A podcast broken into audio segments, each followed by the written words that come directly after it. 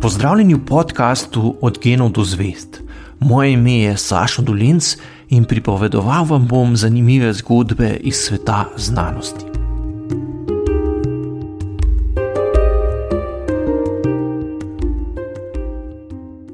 Ko začnemo govoriti o položaju žensk v znanosti, pogosto najprej omenimo Marijo Kiri, ki upravičeno velja za eno najpomembnejših znanstvenic v vsej zgodovini človeštva. Odkrila je dva kemijska elementa, bila prva ženska, ki je prejela Nobelovo nagrado, in prva oseba, ki je to prestižno znanstveno nagrado prejela dvakrat. Vendar Marija Kiri ni bila prva znanstvenica. Znanostjo se je v preteklih stoletjih ukvarjalo še veliko drugih briljantnih, predanih in odločnih žensk. Žal univerze ženskam dolgo časa niso dovolile študirati, prav tako so jim odrekale možnost pridobitve akademskih nazivov in članstva v pomembnih strokovnih združenjih. Če je kateri od profesorjev študentki izjemoma dovolil, da je lahko obiskovala njegova predavanja, je morala biti v predavalnici skrita za zaveso, da njena prisotnost ni vznemirjala študentov moškega spola. Toda ženske so vseeno našle načine, da so se kljub oviram ukvarjale z raziskovanjem in vidno prispevale k razvoju znanosti. Da ne bomo le naštevali težav in dosežkov znanstvenic, vam bomo zastavili nekaj preprostih vprašanj, ob katerih boste lahko preverili, kako dobro poznate zgodovino boja žensk za enakopravnost in emancipacijo v znanosti. Konec 17. stoletja so začeli po Evropi ustanavljati prve znanstvene akademije, v katerih so se združevali najvidnejši učenjaki. V prestižni kraljevi akademiji znanosti v Parizu so se znanstveniki začeli zbirati že davnega leta 1666. Kdaj menite, da so v francosko akademijo sprejeli prvo znanstvenico? Verjetno ste pomislili, da je bila prva članica uglednega združenja šele Marie Curie. Žal ste se zmotili. O članstvu Nobelove nagrajenke so akademiki glasovali leta 1911, a žal ni dobila dovolj glasov podpore. Prvo znanstvenico so za redno članico Francoske akademije znanosti imenovali šele leta 1979, deset let zatem, ko je prvi astronaut že stopil na površje Lune. Morda veste, kdaj je prva ženska doktorirala in postala redno zaposlena profesorica na univerzi. Presenetljivo se je to zgodilo že razmeroma zgodaj, a je šlo za dokaj osamljen primer. Leta 1678 je na univerzi v Padovi Elena Kornaro Piskopija kot prva ženska v zgodovini uspešno zagovarjala doktorsko disertacijo, kar je bil takrat odmeven dogodek. Postala je doktorica prava, a trajalo je več kot pol stoletja, da ji je na univerzi v Bologni sledila rojakinja Laura Katerina Basi Verati, ki je leta 1732 postala druga ženska z doktoratom v zgodovini in prva z doktorskim nazivom iz naravoslovne znanosti. Ugledna strokovnjakinja za fiziko, ki se je dopisovala z mnogimi evropskimi učenjaki, je kmalo zatem postala tudi prva univerzitetna profesorica in predstojnica oddelka za eksperimentalno fiziko.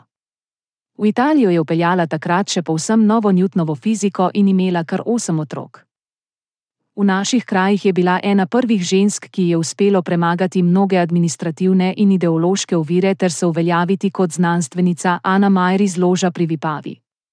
Leta 1920 je kot prva oseba zagovarjala doktorat na novo ustanovljeni Ljubljanski univerzi in postala prva ženska, ki se je na univerzi akademsko zaposlila. Čeprav si je želela nadaljevati univerzitetno in raziskovalno kariero, je morala leta 1922 podati odstopno izjavo. Kaj je bil razlog za njen odhod iz univerze, ni povsem jasno morda je morala oditi zaradi finančne stiske, morda zaradi poroke s profesorjem in dolgoletnim dekanom medicinske fakultete ali ker je bila noseča. Vendar se znanosti ni povsem odpovedala. Odprla je svoje podjetje in zgradila prvo kemijsko-farmacevtsko tovarno na področju tedanje Jugoslavije. Morda veste, kdaj približno je išla prva knjiga o problemu žensk v znanosti, ki je med drugim prevedena tudi v slovenščino.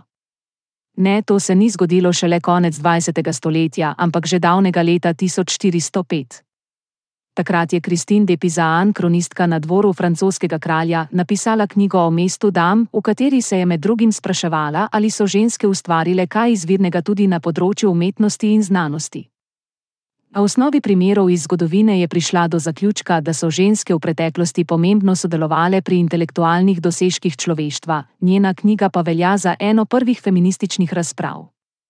V obdobju antike velja posebej izpostaviti Hipatijo, ki je slovela kot ugledna predavateljica in avtorica razprav z področja astronomije, matematike in filozofije. V srednjem veku so se ženske izobraževale in intelektualno ustvarjale predvsem v samostanih, vzpon evropskih univerz od 12. stoletja naprej pa na dostopnost izobraževanja za ženske ni pomembno vplival, saj so jih lahko obiskovali le moški vendar univerze niso bile edine inštitucije, v katerih je potekalo raziskovanje. Na intelektualni razvoj družbe so vplivali tudi obrtniški cehi in izobraženci na dvorih, kjer so imele ženske več možnosti za sodelovanje kot na univerzah.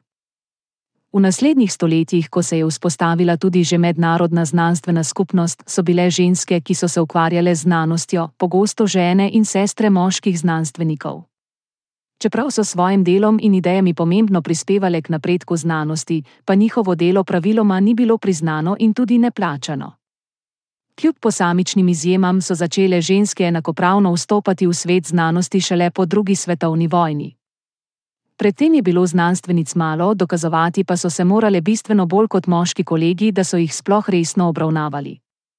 V marsikateri laboratorij ženske niso smele niti vstopiti, saj so se odgovorni za varnost bali, da bi se jim lahko njihovi dolgi lasje vneli na katerem od gorilnikov, nihče pa ni niti pripomnil, da je ognju bistveno bolj kot ženski lasje izpostavljena moška brada.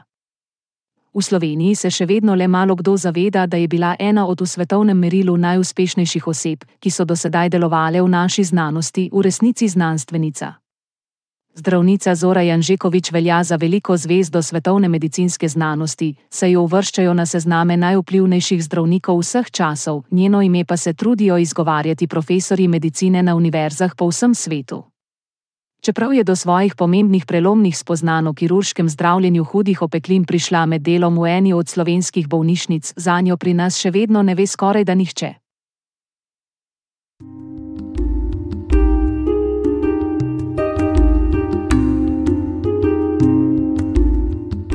To je bil podcast Od genov do zvest.